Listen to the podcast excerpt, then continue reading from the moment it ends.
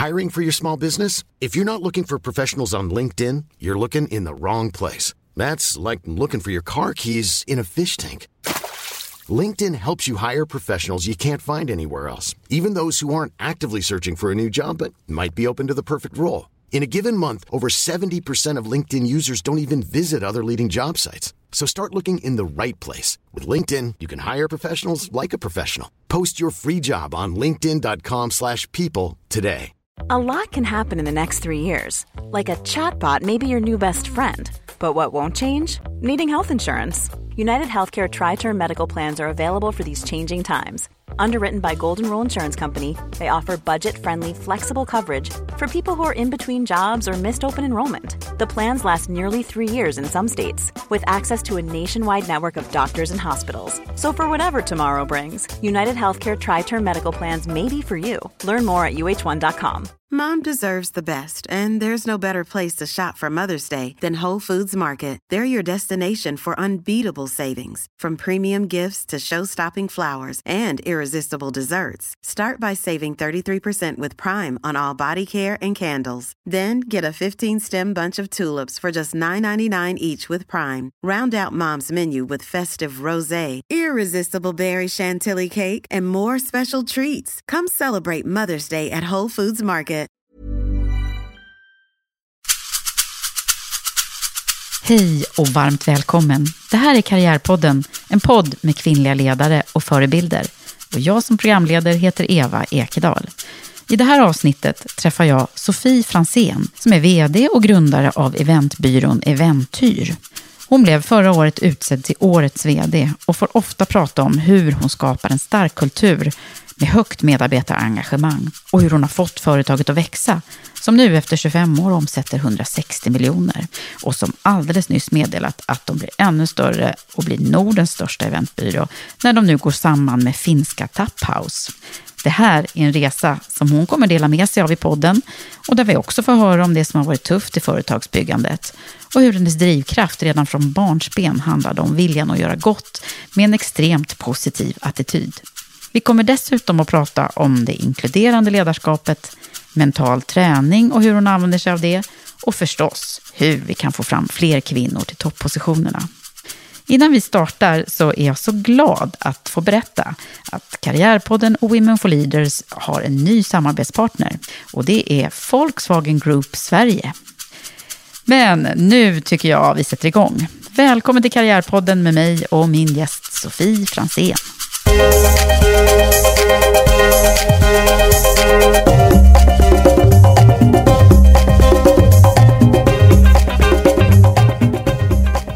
Sofie Fransén, välkommen till Karriärpodden. Ja, men tack Eva. Vad roligt att vara här i ditt lilla mysiga vindsrum och se eh, vinden vina utanför ja. fönstren. Eller hur? Alltså, vi, det är nästan så att jag funderade på om vi kan sitta här överhuvudtaget. För det, det låter väldigt mycket. Men vi, vi får hoppa, om ni undrar vad det är som låter i bakgrunden så är det vinden. Det är inte vi som sitter och piper här. Liksom. Sofie, det ska bli jätteroligt att få lära känna dig. Och jag tror att jag ska börja med att säga grattis. Ja, men tack. För ni blev nominerade till Årets byrå. Ja, det är så roligt. Och ja. det, det, är ju en tävling där kunderna uttalar sig om byrån. Mm. Och att vara liksom finalist där är ju jätte, jätteroligt. Ja, men det förstår jag. Mm. Och du ska få berätta mer förstås om vad det är för byrå. För det är ju en eh, spännande resa som du har gjort som egenföretagare och bygga bolag. Och jag har ju läst om vad ni gör för någonting och där så stöter man på ordet storytelling. Just så. Är inte det en väldigt bra grej, tänker ja. jag? Att jag inte vet så mycket mer än att du måste vara en hejare på storytelling. Ja, vi kan hoppas det. Ja. Så att, eh, jag tänker, du får berätta din story. Ska jag berätta min story? Ja. ja. Och eh, då när du säger sådär storytelling, så det är ju en del av det vi gör på Eventbyrån Eventyr. Alltså vi jobbar ju med events och kommunikation. Det är mycket möten för företag och att hjälpa företag att stärka deras varumärke, ta hand om deras personal och få deras personal att gå åt rätt håll genom möten och event och kommunikation. Mm. Men min historia... Ja, hur ofta liksom... är det du pratar om den då? Ja, Din det, egen det blir historia. inte så ofta egentligen. Nej. Nej, men jag har ju varit entreprenör sedan jag var 23 år och då startade Eventyr. Eh, så vill du att jag ska börja tidigare än så? Ja, men jag tänker, hur kommer det sig att du att du liksom, hur, hur kom du på idén? Ja, när, när jag kom på idén så hade jag inte trott att jag om 25 år kommer sitta hemma hos Eva och prata om det här företagsbyggandet. Din framgångsresa. Utan, nej, nej. utan det var snarare så här att eh, jag hade bott uppe i Åre, jobbat tillsammans med en kompis som heter Kristoffer Sköttqvist. Eh, jobbat för ett företag som hade skidresor. Och eh, till Åre kom de här företagsgrupperna som vi tog hand om.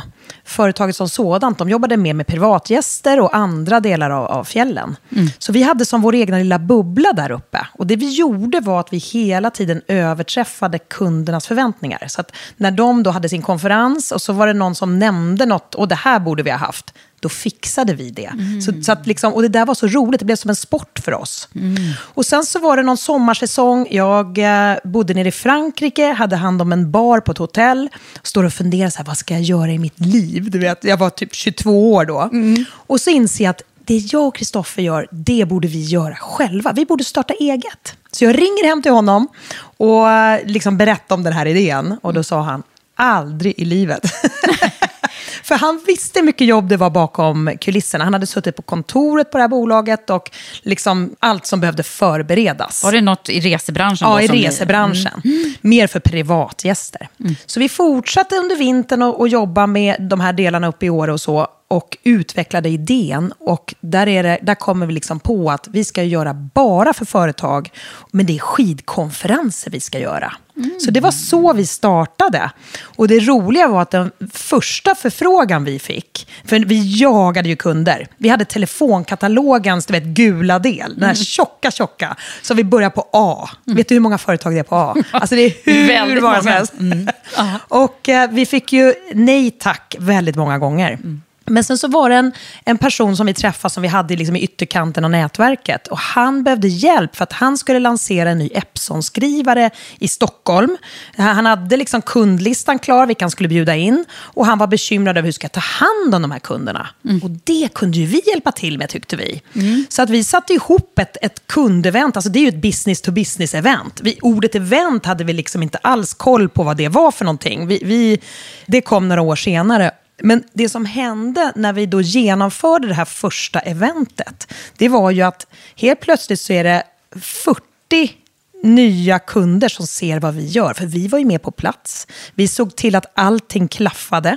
Vår beställare, han kunde ta hand om sina kunder. Så för honom var det här toppen. Han kunde ju göra nya affärer. Han behövde inte bry sig om liksom, hur flödet var under kvällen, att alla var underhållna och att de hade i glasen eller vad det nu handlade om. Så att vi fick ju ett par nya förfrågningar redan första tillfället. Jaha, det var så det började. Mm. Men du, eventbranschen, var den inte så, den, den fanns inte så stor då i alla Nej, fall, alltså det, det, ordet fanns inte. Eventbyrå, det Nej. fanns inte. Utan, utan det fanns några aktörer som, det är klart att man kunde gå på restauranger och sådana saker. Det var glada 80-talet, där var det ju mycket liksom mat och mycket sprit och sådana grejer. Här ville man lite komma ifrån det och aktivera sig tillsammans. Man började liksom med teambuilding och sådana saker. Så att vi gjorde mycket den typen av kundaktiviteter där vi hjälpte till att ta hand om folk. Det kanske var någon lansering eller någonting och sen skulle man aktivera sig efteråt i kombination med mat och dryck. Mm. Så att våran business började rulla så, så att vi var alltid med ute på plats. varje gång fick vi minst en ny förfrågan. Så att istället så från mun till mun? Liksom. Ja, mm. och istället då för att sitta med katalogen och ringa så liksom började vi bygga upp ett nätverk. Men var ni, hade ni anställda från början? Eller? Nej, det var bara vi två. Så det tog nog ett och ett halvt år innan vi kunde anställa vår första person. Och så tog det något år till, vår andra. Och sen när vi började närma oss 2000 där, då anställde vi fyra personer. Så vi växte från fyra till åtta mm. i ett svep. Mm. Och vi hade så mycket spännande uppdrag. Vi gjorde sammanslagen KPM med Ernst Young, 2000 personer till KOS. Oh. Vi hade Ikon, vi hade Framfab, vi hade MCI Worldcom, Tele2. Och när vi kommer hem från de här stora genomförandena, då hade vi inte en enda bokning klar. Vi hade inte insett det, för vi hade haft så mycket produktion. Och vi hade haft så sjukt mycket att göra.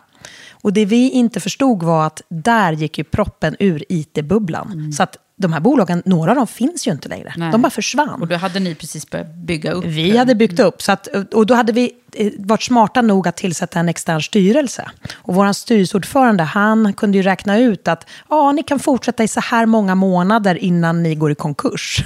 Så det var ju bara att inse att vi måste göra någonting. Och det vi gjorde då var att vi alla fick börja sälja.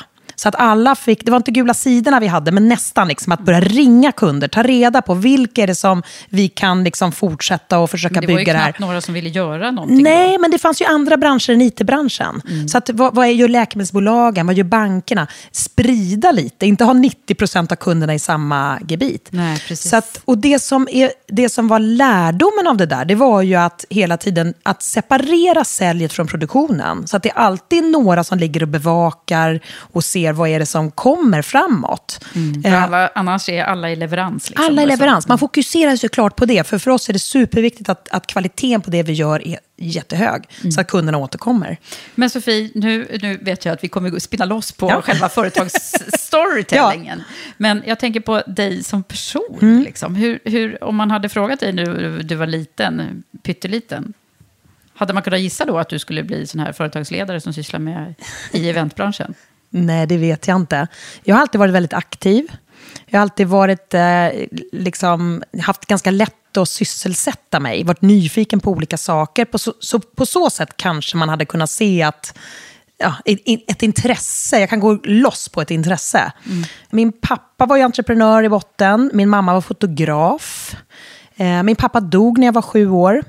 Och det tror jag formade mig ganska mycket i det att jag...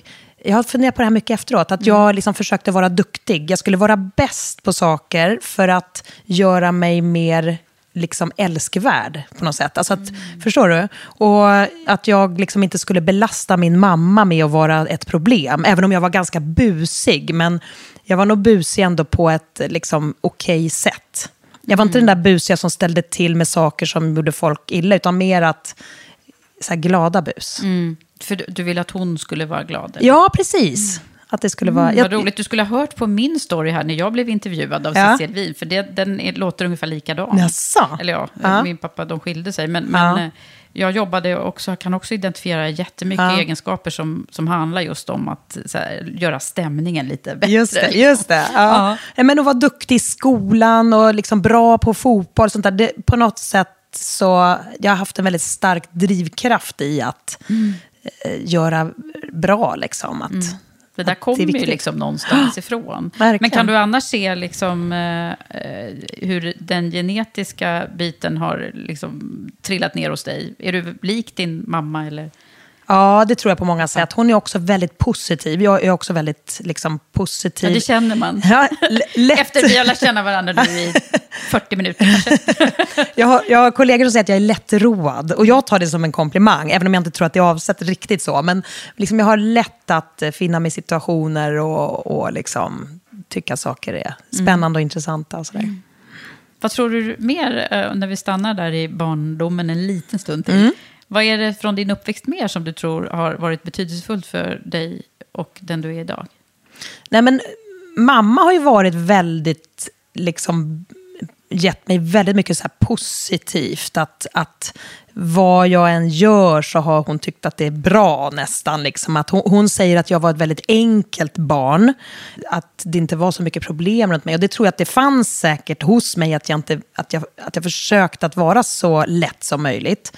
Men hon har ju också lyft mig i det, att gett mig en väldigt stark självkänsla som har hjälpt mig mycket i livet. Har du syskon eller? Nej, jag har inga syskon på mammas sida. Jag har tre halvsyskon på pappas sida, men de var vuxna när jag kom.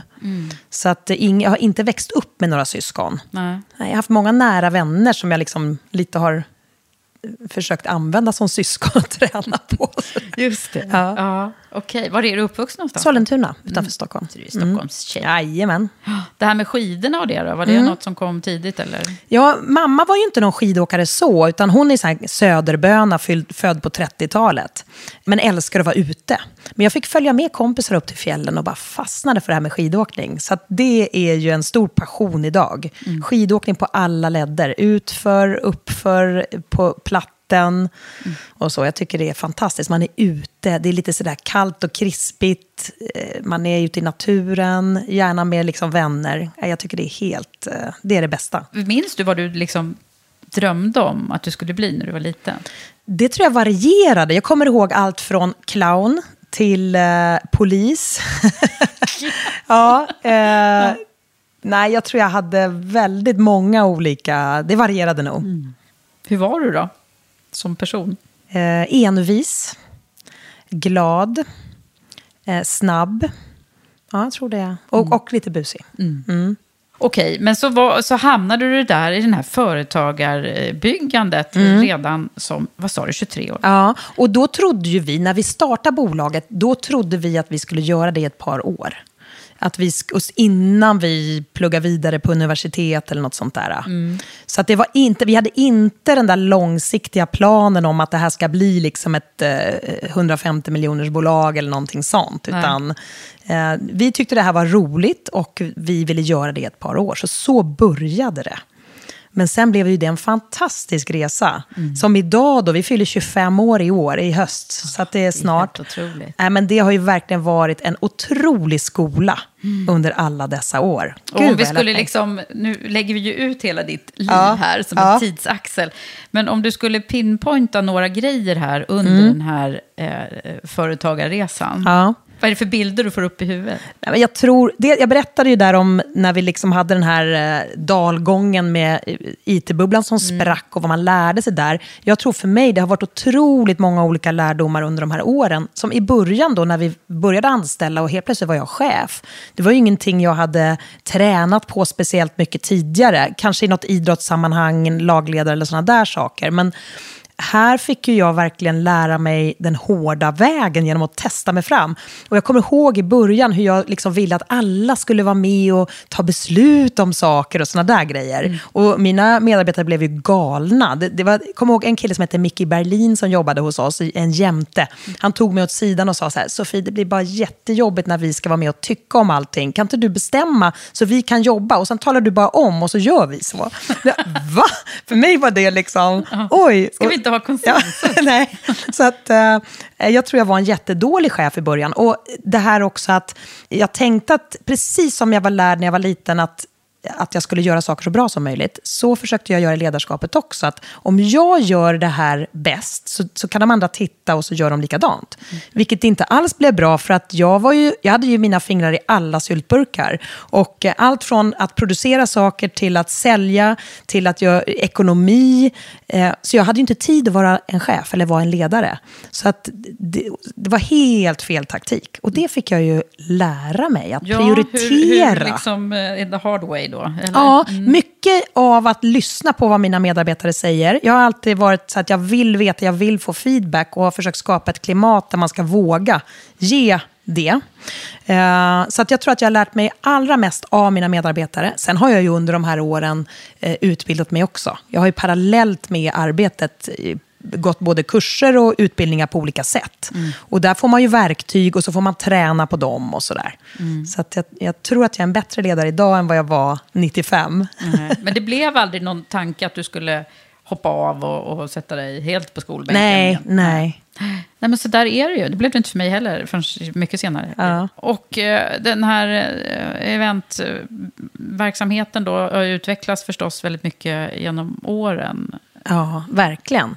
Nej, men så det har ju varit, eh, jag menar, jag kommer ihåg första året, vi, när vi stängde böckerna första året så tror jag vi hade, vi hade en vinst på 40 000 tror jag. Och våran, eh, våran revisor, vi var så glada. Och våran revisor sa så här, ja fast ni kanske skulle ta lön också. Vi jobbade ju parallellt med andra saker. Jag jobbade som brevbärare Jaha. för att få råd. Liksom. eh, och, eh, så att, och nu då så omsätter vi ungefär 160 miljoner och har 32 medarbetare. Så det har ju varit en enorm resa. Och det är ju det som har varit så roligt. Det är ju både att få lära sig nya saker. Det, det är ju inte så att jag har haft samma jobb i alla dessa år, utan jag har haft så många olika jobb.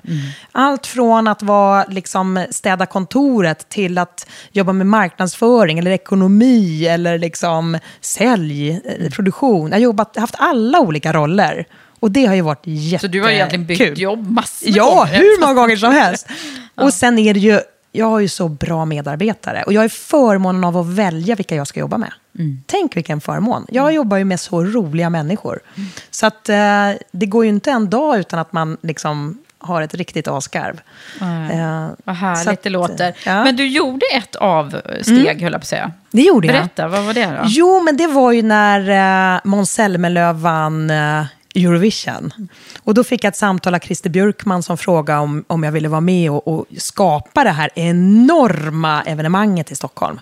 Och det, jobbar man i eventbranschen med event, det går inte att säga nej till det. Nej, det måste ju vara verkligen... så Ja, och då hade jag ju varit på mitt egna bolag i så många år och kände att, att se det här utifrån hade ju varit väldigt bra. Och jag hade kompetenta medarbetare som var laddade att driva bolaget under den perioden. Så jag tog tjänstledigt i ungefär åtta månader, varav några jobbade jag lite dubbelt. Men då, då klev jag in på SVT och eh, var med i ledningsgruppen för Eurovision-projektet. Och det var en jättebra lärdom och eh, många nya insikter på massa olika sätt. Ja, men det måste det ju verkligen ha varit att komma in i det stora, gigantiska. Liksom. Mm. Berätta, vad, vad, vad, vad kände du då? Nej, men det var ju liksom att gå från det egna bolaget till en organisation som är liksom väldigt eh, styrd, så att säga. Men, men det här projektet är ju ett är en egen bubbla i SVT-huset om man säger. Så att eh, det kanske inte liksom symboliserar exakt vad varje redaktion gör. Nej. Men det var väldigt roligt, väldigt kreativt, otroligt många kompetenta människor från olika håll. Att sätta sig in i alla de här länderna som tävlar, att få liksom, in Justin Timberlake med hans, eh, liksom, den här lanseringen av hans låt. Eh, Att få alla, alla turister och hur de ska se Stockholm, hur de ska uppfatta Stockholm. Ja, det, var, det var fantastiskt evenemang skulle jag säga. Eh, och ehm, jag ser verkligen tillbaka på det med mycket energi Men det var inte och så att du glädje. blev sugen på så här, nej men nu kanske jag ska fortsätta här. Nej, något. jag längtade efter mina kollegor, det gjorde jag. För att, och när jag tog mig an det här projektet så skulle jag ju tillsätta mitt egna team. Och hade ju, där hade jag ju gärna bara plockat in hela Eventy rakt in. Men det kunde jag ju inte göra, vi var ju inte upphandlade heller, utan det var ju jag som person som blev anställd av SVT. Eh, och dessutom hade jag ju skadat bolaget då, för vi hade ju massor att göra. Så att jag kunde ju inte ta liksom en enda resurs Nej, just det. Utan jag fick ju anställa folk på, på andra premisser och det var ju både inifrån tv-huset och kontakter jag hade utifrån. Och det var ju utmaningar ibland. Jag menar, jag jobbar ju med rekrytering på Eventyr och tar in och då, då har jag ju ganska, så här, jag har en perm med folk, de här vill jag ha någon gång. Men här var det ju liksom, kan du komma imorgon? För det var ju så kort projekt. Alltså, man vinner i maj och sen så ska det genomföras nästa år i, ett, i sitt land. Du ska bestämma vilken stad det ska vara och sen ska allting annat falla på plats. Och det där var ju en utmaning att hitta de här stjärnorna som var lediga. Men jag hade ett par stycken, så det var ju jätte, jätte häftigt att få göra det. Men jag kommer ihåg en rolig grej, då var det så här, en kompis jag fick ringa och så sa jag så här, eh, Cissi kan du liksom, jag vet att du har jättemycket att göra på, på den restaurangen du jobbar, men, med, eller som du driver, men, men kan du ta ledigt här, för jag behöver dig i liksom två veckor. Och vad ska jag göra då? Nej, det, det kan inte jag säga för det är sekretess på det. Jaha, okej. Och till slut så säger hon ja. Och så när hon kommer sin första arbetsdag, vad är det jag ska göra? Jo, du ska ta hand om Justin Timberlake och hans team. hon, wow. hon var jättenöjd. Hon var nöjd att hon hade liksom, lagt det vanliga Ja. jobbet lite åt sidan. Ja, vilken grej. Ja, det var roligt faktiskt. Ja. Vad drar du för lärdomar av det där då? Oj, jättemånga. Oh, vad ska jag, hur ska jag sammanfatta det? Ja, det var lärdomar både i form av att ehm, se sitt egna bolag utifrån. Eh, det var lärdomar från dem att de hade saknat mig också. Det var ömsesidigt. Eh, lärdomar i hur, när man formar ett helt nytt team som kommer från olika bakgrunder och hur det fungerar. när Man har väldigt snäv deadline. Lärdomar i form av hur man kommunicerar tydligt när det verkligen är liksom med kniven på strupen och ingenting får gå fel. Liksom. Det, det är ju en extra dimension när det är live-tv och sådana saker inblandat såklart. Ja. Eh, nej, jag lärde mig massor. Så det jag- var, du var liksom bra att göra det här Ja, ändå? det skulle jag säga. Det Det skulle är som jag att göra säga. ett litet break i en, i en väldigt lång, framgångsrik eh, uppbyggarfas. Ja. Liksom. Jag skulle säga att det eh, gav mig väldigt många bra insikter och lärdomar. Och det var tufft och vi jobbade superhårt. Liksom. Vi jobbade ju dygn runt vissa perioder. Men det gav mig liksom ett bra bränsle vidare. Sen när jag kom tillbaka till Eventyr efter det där, då hade, då hade det varit några grejer som gjorde att eh, mina liksom, två nyckelpersoner slutade ungefär i samma tidsperiod. Så att när jag kommer tillbaka, är ganska slut efter det här långa projektet, då inser jag att jag har ingen ledningsgrupp. Jag måste, liksom, börja, jag måste om. börja om. Och det var väldigt tungt. Men när jag gjorde det så, så tänkte jag att nu ska vi göra någonting nytt. Nu ska vi bygga ett nytt bolag. Det här var ju då 2016. Så att i januari 2017 då hade jag en ny ledningsgrupp på plats. Vi formade liksom en ny strategisk plan. Och där hade jag en tjej som jag hade plockat in som byråchef hos oss som heter Nina Jonsson. Superduktig. Och hon sa till mig så här att nu, du brukar göra ettårsplaner Sofie och de är väldigt detaljerade och bra utformade. Men jag vill att vi gör en treårsplan det hade vi aldrig gjort förut. Mm. Och där lärde jag mig jättemycket. Så det har varit en väldigt liksom spännande... Höja blicken lite ja. till. Mm. Och jag skulle säga, tack vare henne och de andra på företaget och i ledningsgruppen så har vi växt från 109 till 160 miljoner på tre år. Mm. Det är ju väldigt häftigt. Det jättehäftigt. Mm. Så att, uh, Så det blev bra, pengar. men det var tufft då. Ja, ja. ja men jag, det, det är ju en grymt imponerande resa som, som du har gjort. Och du, är, du har ju fått massa priser. För nu måste vi prata lite om dem. eh, årets vd blev du 2018, va? Just det. I små, medelstora, ja. eller vad heter små. det? Små. De har ju indelning i hur många anställda man har. Just det. Mm. Så att vi har, var ju då ungefär 30 anställda. Mm. Så att, uh, ja, det var jätteroligt. Jag hade varit finalist tre gånger, så det var tredje gången. Ja, det var ja. så. Och, men jag hade liksom fått sitta där och klappa artigt när någon annan gick upp på scenen. Mm. Och jag var så inställd på den här gången att det, det kommer vara likadant. Så när mitt namn ropas upp, jag blev så förvånad och jag blev så oerhört glad. Så jag trodde inte att jag skulle bli så glad som jag blev. Nej. Men det var väldigt roligt. Och den utmärkelsen har ju gett ringa på vattnet. Så att det har blivit väldigt bra uppmärksamhet runt det priset skulle jag säga.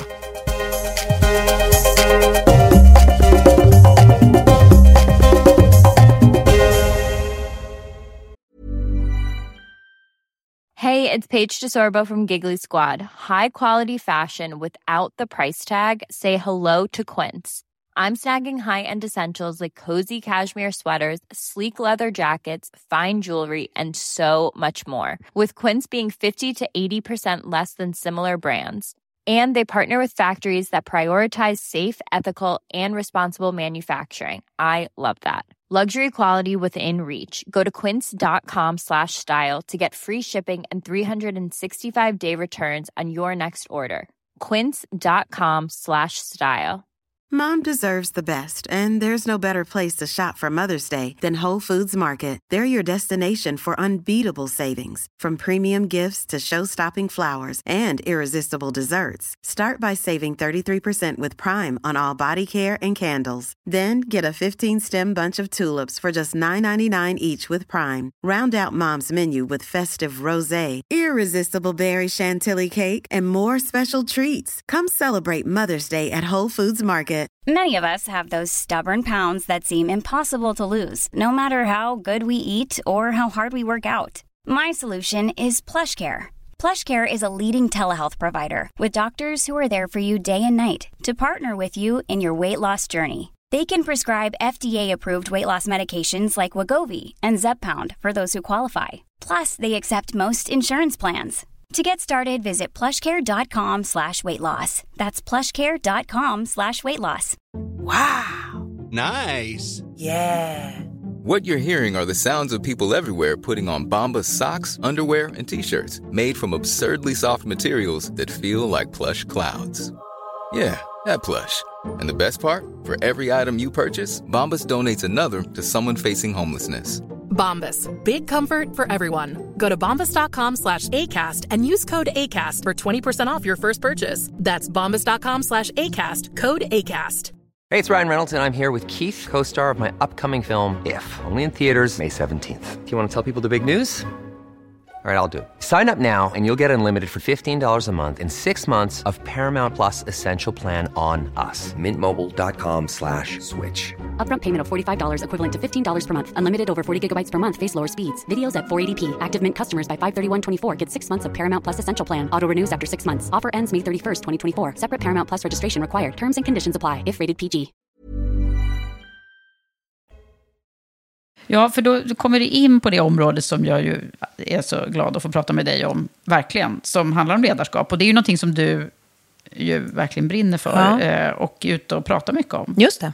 Berätta, vad är det liksom, din syn på ledarskap? Ge, ge oss en, en quick på En den. quick, yes. en quick är att eh, jag tror att, eh, att våga vara tydlig. Och att vara tydlig för mig handlar om att vara nyfiken på målgruppen. Så att man sänder sitt budskap så att målgruppen kan ta emot det och förstå.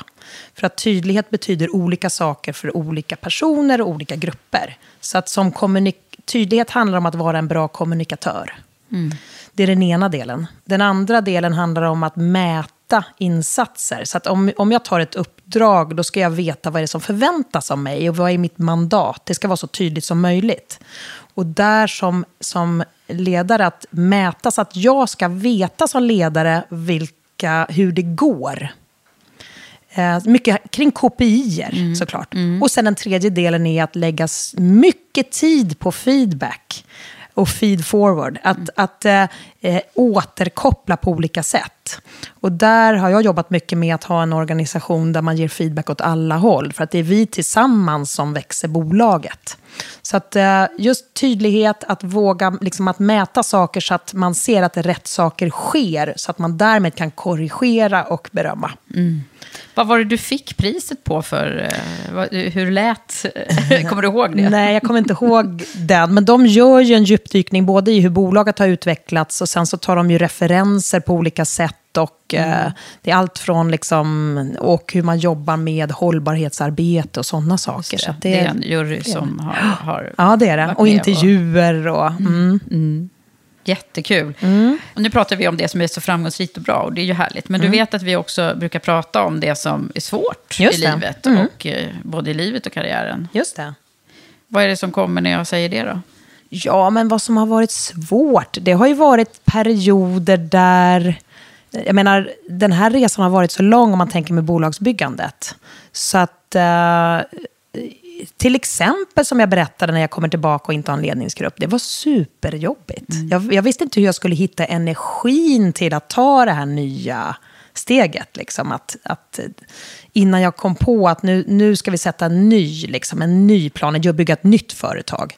Innan det, så där, men det var superjobbigt. Likadant när eh, jag var ny i företagandet och, och, och liksom försökte testa att vara en ledare. Det var också tufft. Och jag menar, jag har ju försökt skapa det här att man ska ge varandra feedback, men det kan ju göra ont ibland också, liksom när man försöker någonting och så faller det inte väl ut. Ehm, så att det är väl de delarna jag tänker mycket på. Eh, som har varit tuffa. Sen har jag ju liksom fått barn också under den här resan och har försökt balansera livet som småbarnsförälder med att bygga bolag. Vad Eh, tycker du att det har varit då? Nej, men jag tycker att för mig har det varit så att jag har tänkt att den här småbarnstiden kommer aldrig komma tillbaka. Utan jag, det är nu, här och nu den är. Så att när... eh, min man har, vi har ju verkligen delat på, på hela den delen. Men jag har jobbat fyra dagar i veckan. Fram till nu. Okej. Och nu är mina barn ganska Hur stora. stora är de nu Nej, men då? nu är de liksom, min lilla är 16.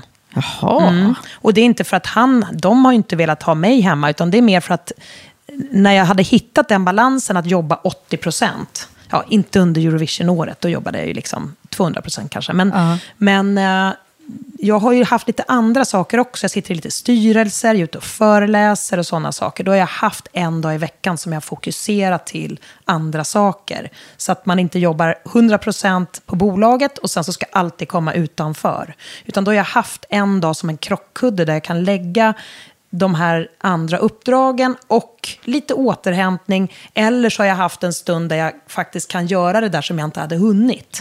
Och på så sätt så har jag haft en väldigt bra balans. Men om man går tillbaka till när barnen var små och sådär, då, då kunde det ju vara tufft för att det, det var...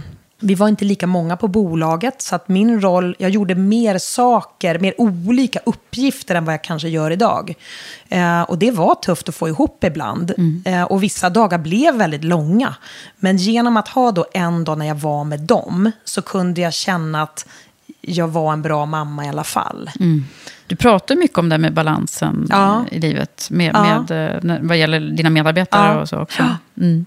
Och eh, det är superviktigt. Vi är en bransch som är ganska stressig. Mm. Vi är en bransch som jag tror har ganska stor, höga sjuktal. Och vi jobbar väldigt liksom förebyggande för att inte hamna där. Mm. För ett antal år sedan så hade vi någon som blev utbränd och så. Och det kan jag skämmas för. Inte för att det är mitt egna bara ansvar, men det är ändå mitt. Jag är ansvarig för företaget och jag vill skapa rätt förutsättningar för att vi upptäcker när det är någon som är på väg åt det hållet. Och så att idag ser det annorlunda ut. Vi har blivit mycket bättre på att fördela arbetet och att fånga den typen av signaler. Och vi har också byggt in ett system där vi har en PT som kommer så att vi får träna på arbetstid, och, för de som vill. Alla, man måste inte. Men att man får använda arbetstid till den typen av aktiviteter. och att jag vill inte vara den där chefen som berömmer övertid. För jag kan Nej. tycka i vårt samhälle idag, då är det så vanligt att någon säger så här, Åh, jag har jobbat så mycket. Och så ska man få lite beröm för det. Det, tycker jag tvärtom. Vad är det för fel då? Då har vi ju planerat fel. Eller så är det någon som behöver lära sig någonting. Eh, så att jag har förbjudit, cheferna hos oss får inte mejla efter arbetstid. För om du gör det så är det som att förvänta dig att någon läser och svarar. Då får du vänta och skicka det liksom dagen efter. Och sådär. Mm. Och lyckas hålla det också. Ja, jag försöker. Ja, det, det, kan där säkert komma undantag, Ja. det tror jag. Men, men att, man, att jag behöver ju uttala att det är så det ska vara. Och jag behöver också försöka föregå med ett gott exempel. Mm. Ja, för, som ledare så sätter man ju väldigt mycket utav Ja, kultur och norm. Verkligen. Eh, ja. Du, hur länge har du varit vd? Ja jag, jag vet inte när, hur, när vi satte det på papper för första gången. Från början var det ju både jag och Kristoffer. Vi var ju två chefer. Och det var ju så här som att du vet, man går till mamma och frågar kan jag få godis? Och så sa mamma nej. Och så går man till pappa och så säger han ja. Så var det. så vi var ju tvungna att tydliggöra. Och då, då var det, jag kan inte säga vilka år det här var, men så hade vi en period där jag var chef inåt och Kristoffer var chef utåt. Så att jag hade medarbetarna medan han hade liksom hur vi talar ut mot press och sådana grejer. Liksom. Så att, eh, men sen så, jag kommer ihåg, jag var ju, mitt första barn kom 2000 och när jag då skulle ha barn igen 2003, då sa han så att jag kan inte ta personalen. Så då plockade vi in en, en person från en konkurrent som också fick delägande, så hon blev vice vd, Anna Eriksson. Okej. Eh, och så att när jag då kom tillbaka efter den mammaledigheten så 2004, från det har jag varit vd kan man väl säga då. Så det är ju ganska många år. Ja. Vad har du för nycklar där då? Liksom vd-rollen. Hur ska man vara för att vara en bra vd? Man ska samla en väldigt kompetent ledningsgrupp. Och man ska inte vara rädd för att plocka in personer som är smartare än en själv på olika områden, tror jag.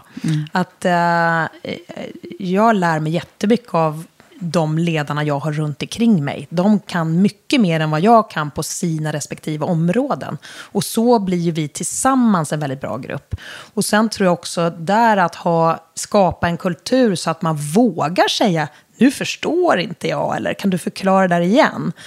Eller att jag tycker inte som du. Att det ska kunna vara diskussioner och att liksom alla i ledningsgruppen ska komma till sin rätt så behöver man ju ha det klimatet. Det skulle jag säga om jag får ge några... Någonting. Vad är det annars som du känner sådär att du skulle ha varit glad om du kom på lite tidigare just vad gäller vd-rollen? Ja, det är just att ge andra större mandat. Ja, för Att du, det har- kom lite senare liksom. Ja, jag tror att jag, liksom, det är nog något jag behöver träna på fortfarande. Att inte jag ska fixa saker, utan att vara bättre på att vara liksom, tydlig med att det här är din uppgift och du har mitt förtroende att göra den uppgiften. Mm, och att våga släppa liksom. Mm, våga släppa. Det där att vara både ägare och vd. Nu, jag sitter ju här och bara Ja. nickar som du ser, för att det där är ju lite samma som jag också håller Ja. på med. Eh, ganska svårt. Att man, det blir ju ens egen baby på Yes, riktigt. Liksom. Yes. Och det är ju så, våran baby är ju, blir ju nu 25 Ja. år. Det är ingen baby längre. Min baby blir bara fyra. Ja. Men jag tror att det är lite skillnad så. Vilken Mm. fas är man i som bolag? Vårat bolag har ju blivit lite mognare. Lite moget att flytta hemifrån nu. Lite så. Ja. Det kanske är sent som 25-åring att flytta hemifrån. Ja. Du har ju lite spännande grejer Ja. som händer Ja. nu. För nu är det ju så att nu satsar vi nordiskt. Mm. Så att vi gör helt nytt en sammanslagning med den största eh, finska eventbyrån. Som omsätter dubbelt så mycket som oss på en marknad som är en tredjedel så stor. Tappaus. Så det är så spännande. Wow. Och tillsammans Det här är med dem- precis Det här är nytt. precis nytt, så jag berättar det här. Eventy fortsätter att vara den svenska eventbyrån. Tappaus är den finska, men vi, har ett gemen- vi ägs tillsammans. Så att jag äger delar av Tappaus. Ja, så det är, och tillsammans så har ju vi stora resurser nu på att satsa på att utveckla oss vidare, driva den här branschen och verkligen... Ni blir liksom, jättestora. Vi blir, en, vi blir Nordens största eventbyrå. Så att, Men eh, alltså, mm, det är så häftigt. får du inte nypa dig lite Jo, i armen det nu? är känner så jag? roligt. Jag har jobbat hårt, eller vi har jobbat hårt sedan början på, ja, ja, i höstas på att få till det här. Och nu är det klart. Så att det är, känns så roligt. Det, nu går vi in i något nytt igen. Nu gör vi en ny treårsplan. Och eh, nu handlar det om att liksom satsa nordiskt och att hjälpa våra kunder som mång, många gånger har frågat oss, har ni en, en liksom närvaro i de andra nordiska länderna? Ja, kan vi svara nu. Det har vi. Och kan ta stora internationella Ja. grejer. Mm. Superhäftigt. Mm. Grattis, det ska bli Tack. roligt att följa. Men du, vi har inte pratat färdigt riktigt. Nej. Om, eh, för att det är så här också, förstår du. Jag brukar alltid prata om det moderna ledarskapet Mm. med mina gäster. För, och då, det, det är liksom ett begrepp som, som vi jobbar mycket med i Women for Leaders och som, som handlar om vad, hur, vad ska vi behöva göra ännu mer av i framtiden eller göra nytt och tänka om och sådär. Men nu är det så här också, förstår du, att jag har också lite nytt. Jag inleder precis ett nytt samarbete med eh, Volkswagen Group Sverige, Ah. som är min nya samarbetspartner. Och eh, de driver ju också, det är ju en fordonsindustrin, du vet, det är ju en ganska mansdominerad värld. Så de driver väldigt mycket frågor kring jämställdhet och det inkluderande ledarskapet. Och jag tänkte att det passar utmärkt att dra igång det här med dig. Ja. Eh, för vi tänkte att vi skulle grotta ner oss lite i inkluderande ledarskap. Ja. Vad lägger- tänker du när, du när du hör inkluderande Ja, ledarskap? jag blir ju jättenyfiken vad de lägger i just Mm, men nu inkluderande. är det du. Eh, jag tänker att om jag spontant ska svara så låter det som att man inte liksom bara går sin egen väg utan man inkluderar andra och är nyfiken på att få med det bästa ur gruppens kompetens. Tänker jag spontant. Jag tänker att det låter som att man, ska, man jobbar på att skapa en tillit i gruppen. Det låter som att till exempel, för du hade ju någonting så kring hur ser morgondagens ledarskap ut? Och där tänker jag mycket att det handlar ju om att jag tror mer och mer att det är viktigt att skapa en kultur där innovationer och eh, nya idéer får komma fram. Att man har liksom öppenheten att ta tillvara det och har ett, ett, ett arbetssätt som, som lyfter nya idéer för att kunna bli effektivare eller att kunna hitta de nya produkterna och tjänsterna som man vill sälja. Och då tänker jag att ett inkluderande ledarskap låter som att man, det är det man försöker jobba för att skapa, tänker jag. Det låter ju superbra. Och då är så här, då tänker inte vi ge oss därför att eh, vi tänkte att du skulle få ge exempel på när du själv idkar det här. Ink, ett, det inkluderande, Inkluderande ledarskap. ledarskapet. Du kommer helt oförberedd på det här nu känner jag. ja. Men Eh, då tänker jag att... hur Eh, gör jag du för att vara en inkluderande ledare egentligen? Och har du liksom tips på? Ett sätt, till exempel, som jag tror att jag gör, det är att vi avsätter en timme i veckan till Eventyr Academy. Internutbildning. Det kostar ganska mycket, det är 1600 arbetstimmar på ett år för oss ungefär. Men där så inkluderar vi på det sättet att jag sätter ju liksom tillsammans med ledningsgruppen ett schema för vad är det för någonting vi behöver kompetenshöja oss kring. Och då är det inte så att det är jag som står och lär ut saker, utan det kan vara vem som helst på bolaget som har hittat en ny grej eller hittat ett nytt arbetssätt som gör oss mer effektiva. Då är det den personen som håller i Academin den veckan. Mm. På det tycker jag kan vara ett exempel på hur vi kan vara inkluderande. För då blir de också sedda på något sätt. Ja, och verkligen. får cred för det man... Ja, e- eller hur? Och sen så, för oss är det viktigt att, jag vill ha en kultur där det är okej att göra misstag. Jag tror att misstag görs överallt, men ifall man är hård och dålig på att ta emot misstag så blir konsekvensen av misstagen större. Om, man har en kultur, om, om du tänker dig så här att jo, men vi vill ju ligga långt fram, vi vill vara de som driver den här branschen, då måste man också kunna göra fel för att kunna sen göra rätt. Och då kan vi på vår Academy ha, då kan jag säga så här, nästa vecka så ska alla berätta om ett misstag som ni har gjort. Vad var det ni gjorde? Hur löste ni det?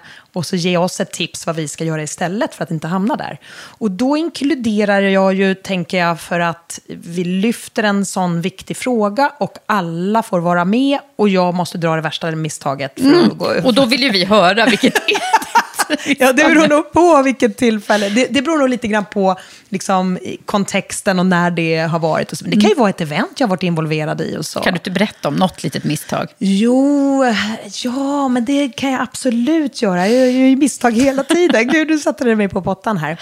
Jag kan ta ett misstag i ledarskapssammanhang. Där, där hade jag en person i eh, min liksom nära krets som hade utmaningar, lite personliga utmaningar under en period, som jag var totalt involverad i och införstådd med.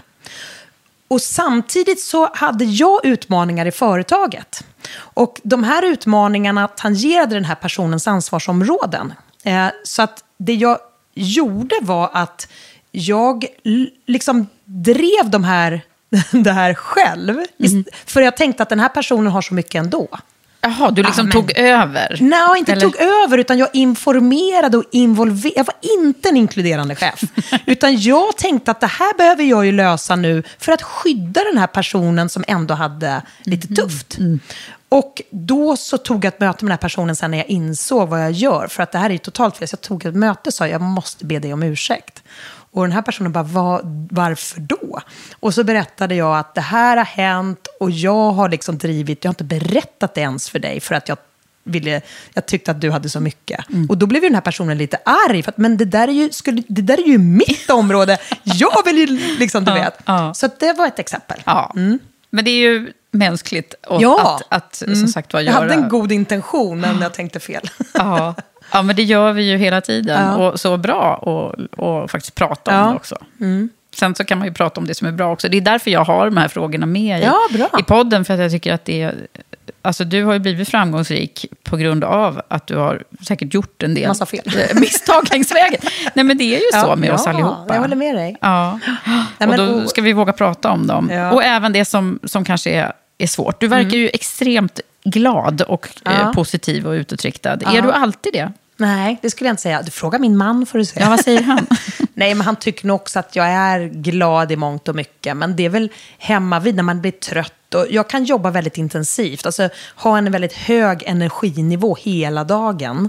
Och sen när jag då kommer hem så kan jag vara så trött så att jag liksom bara inte orkar hålla humöret uppe. Men oftast är jag ganska glad hemma också. Jag är nog lite som min mamma. Hon är, också, hon är 89 år och har liksom kotkompressioner, har krympt 10 centimeter och ändå är hon så här glad. Liksom. Gud vad Eh, härligt. Ja, så jag, jag tror att jag får Man kommer ganska långt med det. Ja, det finns ingen anledning. Jag försöker leva efter den här, den här um, sinnesroversen.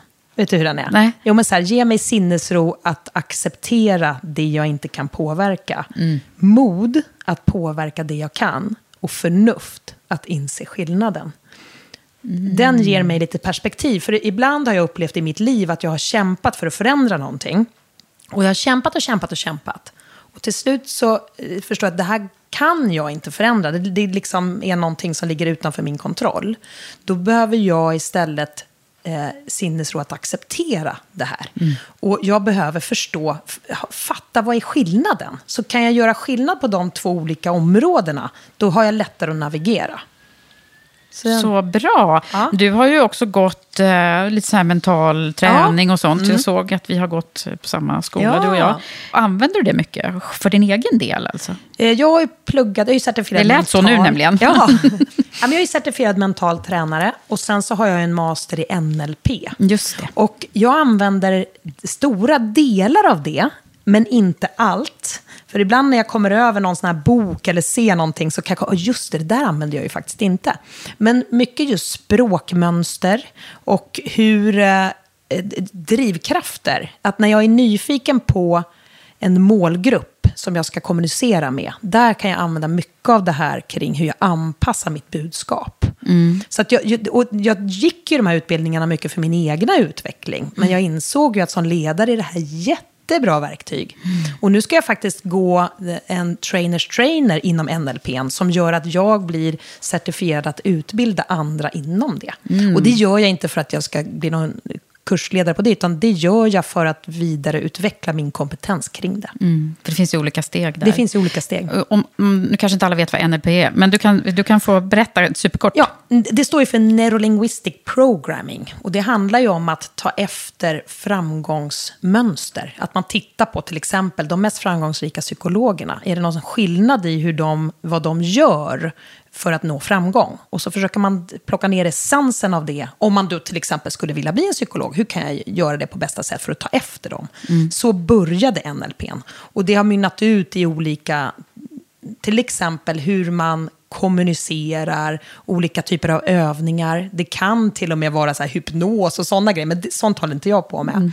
Nej, men eh, vad heter de här? Det finns ju många av de här kända föreläsarna. Som Ja, är- Kjell Enhager ja, är väl en av Kjell dem, Enhager till var en av mina lärare. Ja, just det. Nej, men jag tänker på han, han, det jag har tagit ifrån honom, det är ju det där med älta plus Ja. istället för älta minus. Just det. känns som, det här samtalet med dig blir ju älta plus eh, automatiskt, Ja. därför att du är en sån. Men det, det, det är ju, vi, vi människor har ju framförallt, tror jag, att vi kvinnor är ganska bra på att liksom bli lite för fokuserade på det som inte är bra. Eller Ja, så. så kan det vara. Eh, så att vi pratar mycket om det här med älta plus. Ja, men det är bra. Nej, men det, och det är mycket det inställningar. Det handlar mycket om att kropp, tanke, och liksom att det, det är en del av samma system. Vad du tänker, vad du känner, vad du gör. Att, och ifall du då förändrar en del av det så kan du förändra det andra också. Så att, eh, ja, det, jag tycker det, NLP det är fantastiskt. Mm, roligt. Mm. Och det låter som du har liksom... eh, Det där är också en bra grej tror jag som jag märker på duktiga ledare. Att man, att man fortsätter att utvecklas Ja. själv också. Och inte bara luta sig tillbaka och tro att nu är jag, Nej. jag är världens bästa chef. Nej, oj, verkligen inte. Även om man har vunnit eh, årets vd. Men du, eh, spännande. Jag tänker att vi också skulle... Du är ju med i ett eh, nätverk som heter 17-nätverket. Just det. Som eh, ju är fantastiska kvinnliga företagare Just som det. Mm. har byggt stora bolag. Som är över, är det över 50 miljoner? Just det, över 50 miljoner ska du vara grundare av bolagen. Ja, och jag tänker att det är en bra eh, inledning till, eh, om jag, om jag ska få prata lite jämställdhet med dig. Ja. Min hjärtefråga då, hur kan vi få fler kvinnor till toppositionerna? Ja. Och då tänker jag inte bara i form av ägande, men, men det är ju en del i det. Ja, det är det ju. Och det är ju därför 17-nätverket finns. För att man insåg att det var väldigt få stora företag som var grundade av kvinnor. Det saknades förebilder på det området. Därför så blev det här ett eget nätverk där man liksom jobbar för att lyfta kvinnor i det och, och, och föregå med gott exempel för att få fler att se att det här faktiskt är möjligt. Ehm, och att nätverka mellan varandra, hjälpa varandra och liksom gå före där helt enkelt. Precis, det rimmar ju väldigt mycket med det vi gör i Women for Leaders, även Mm. om inte det handlar bara om ägande, utan är snarare positioner i näringslivet.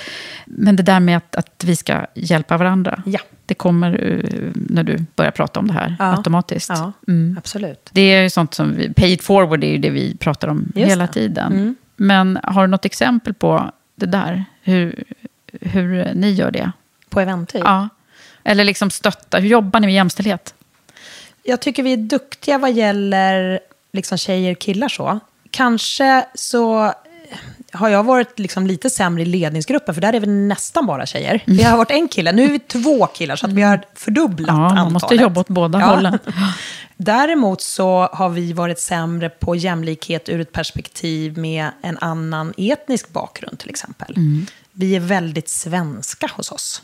Och det är ju jag som ansvarar för rekryteringen. Och där har jag kanske letat på fel ställen. Eh, men jag har ju liksom... eh, Jag har ju min wishlist på folk som, och det är ju ofta folk som har en erfarenhet från branschen. Och då kanske det liksom där inte har funnits, eller jag inte har hittat rätt. Men när det gäller jämlikhet ur ett kvinna-mans perspektiv så tycker jag att vi har varit bra på det. Eh, och det kanske mer i slump än att jag har haft en strategi om jag ska vara ärlig. Ja. Hur ser du ut från egen... Sådär, har du känt dig eh, sådär, mindervärdig någon gång? Eller har du någon egen erfarenhet? Jag tänker metoo och hela det här. Nej, jag har inte det. Jag har ju hört väldigt många exempel från vänner. Eh, Jag har varit lyckligt förskonad eller så har jag inte fattat. Jag har ju varit ganska mycket kille i mig. Alltså från, om man tänker från när jag var liten. Jag fick så killnyckeln på simhallen och hade kort hår och sådär. var det så? att- Ja, jag hade nästan bara killkompisar. Och sen var det en, en kille i min klass som sa när jag var 11, så tittade han på mig och så bara, men Sofie, du är ju tjej. Det har jag aldrig tänkt på. Och jag tog det som en komplimang, för det var som att han hade sett mig som en människa, inte som liksom ett, ett kön. Så. Men eh, Eh, jag tror att jag har ganska lätt att ta för mig. Och sen så gick ju jag teknisk linje på gymnasiet. Vi var ju sex tjejer och 24 killar. Så jag är ganska van vid liksom att det är mycket män runt och att kunna ta plats där också. Sen har det varit vissa tillfällen där jag upplever att det kan vara svårt att göra sig hörd. Eh, att det kan vara, killarna pratar om vad, de, liksom, de har något sätt hur de lyfter varandra och så är man liksom inte med i den gruppen. Men det har varit ganska få tillfällen skulle jag säga. Och där jag har inte något problem med att säga ifrån. Jag är ganska rak där. Ibland kanske för rak. Eh, Men det är väl enda sättet att kunna ändra någonting. tänker Jag. Verkligen. Och 17-nätverket, det- vad gör ni mer än att gläds åt varandras framgångar? Ja, men vi har träffar där vi utbildar oss. Att det kan vara olika områden som vi känner att det här, här skulle stärka våra bolag. Och det kan vara allt från hur liksom, eh, gör man den bästa strategiska planen till presentationsteknik och sådana saker. Men sen så får vi ju gästa olika... Eh, vi var liksom på börsen och fick så här, så här gör man för att eh, liksom börsintroducera sitt bolag och så vidare. Eller bästa sättet att sätta samman en styrelse och sånt. Så att vi försöker kompetensutveckla oss och sen så att höra varandras entreprenörshistorier och skapa liksom att hur kan vi ta hjälp av varandra? Om man nu har ett behov av någonting, hur kan jag be de andra om, har ni något tips här? Så att eh, ja, vi försöker nätverka på flera olika sätt och även i Almedalen att ha aktiveringar där. Vi fick ju tävla i år i, i entreprenörs-DJ-battlet mot de unga entreprenörerna. Och där vann vi. Det var jag, Pernilla Ramslöv och Ja, Maria Mattsson med. Ja. Det var så roligt. Vi tänkte att det är okej att göra bort sig lite. Vi, vi behöver liksom visa vad skåpet ska stå. Nej, men, och, i, det, det handlade ju mycket om att vara med i debatter och sådana saker också. Lyfta frågorna kring eh, investeringar i kvinnors företag till exempel. Jag tror att det är 2% av investeringarna i Sverige som går till företag som leds av kvinnor. Det är ju helt sjukt. Det måste ju ändras. Ja. Så att, Verkligen. och det kan ju också handla om att kvinnor är sämre på att be om kapital. Så att eh, sådana saker kan vi prata om också. Hur vi kan bli lite bättre på att ta för oss. Verkligen. Mm. Det får vi hjälpas åt med. Och du är ju en företrädare här, verkligen. Eh, Men om, om, eh, om vi skulle summera lite grann, och då tycker jag det är så kul att summera kring dina lärdomar. Liksom. Mm. Du, att du sitter där du gör nu idag. Vad är det för någonting som, som du vet nu, som du helst skulle ha velat veta när du var 23, när du började bolaget? Att det är okej att göra fel. Att eh, det här som jag tror jag hade hyfsat okej, men som jag blivit mycket bättre på, att verkligen liksom be andra om feedback. Att Jag vill ju lära mig. Det är en gåva när folk kan ge mig hur jag kan göra annorlunda. Eller vad jag gör bra också för den delen. Sen så idag har jag två mentorer. Aha. Och det hade jag gärna skaffat tidigare. De hjälper Två mentorer? Två, ja. Samtidigt? Ja, på olika sätt. Det ena är en ung mentor, Staffan Taylor. Han hittade mig, jag höll en föreläsning, det här är nog fyra år sedan, ute på Kistamässan, på personal och chefsmässan. Och han var i publiken och gav mig liksom så positiv feedback efteråt. Så att jag blev lite spontan och höll, det var nästan som ett frieri. Så jag höll upp min vänstra hand med min vigselring. Bara, ja, tack, men jag är ju gift. Och så skrattade alla och så sa han så här, nu är du skyldig mig en lunch. Liksom, och så här, självklart. Och sen så började vi luncha och träffas lite. Och i, i den här vevan så hade jag funderat på att hitta en ung mentor. En person som tillhör en yngre målgrupp. Jag anställer ju många yngre. Jag ville få liksom ett annat perspektiv. Så då frågade jag honom om han kunde tänka sig att bli min mentor. Mm. Han gav så mycket positiv energi. Och då sa han, ja det vill jag, på ett villkor, att du blir min. Så nu har vi dubbelt mentorskap. så vi sätter klockan så här, 45 minuter. Nu är det din tur. Mm. Ja. Ja. ja. Sen så har jag en, eh, en man till som dök upp i mitt liv förra hösten. Eh, som heter Neo Morton. Mm. Som, eh, som driver en, kan man säga, en utbildning som heter Beyond. Han är mer så här, vad ska man säga, Eh, det inre ledarskapet mm. och liksom hur eh, du får ut maximal potential av dig själv. Och har ett superbra system för hur...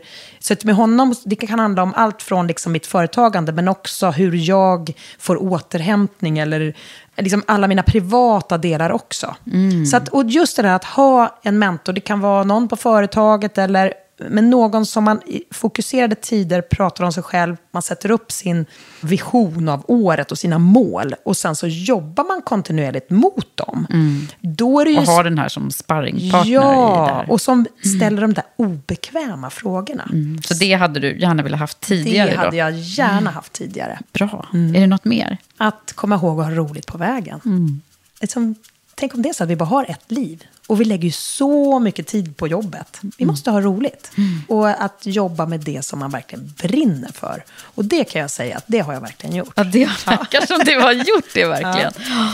Så roligt att ha dig här, Sofie. Tack, tack så mycket, snälla. Eva. Stort tack till dig som har lyssnat på det här avsnittet med Sofie Fransén.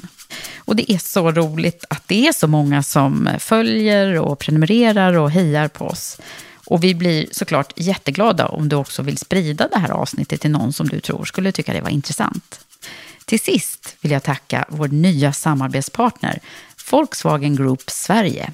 Och som du kanske hörde i avsnittet så vill de också aktivt driva frågor om jämställdhet och ett inkluderande ledarskap.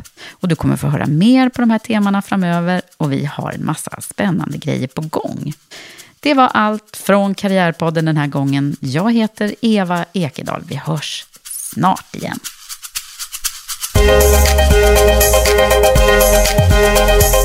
Mom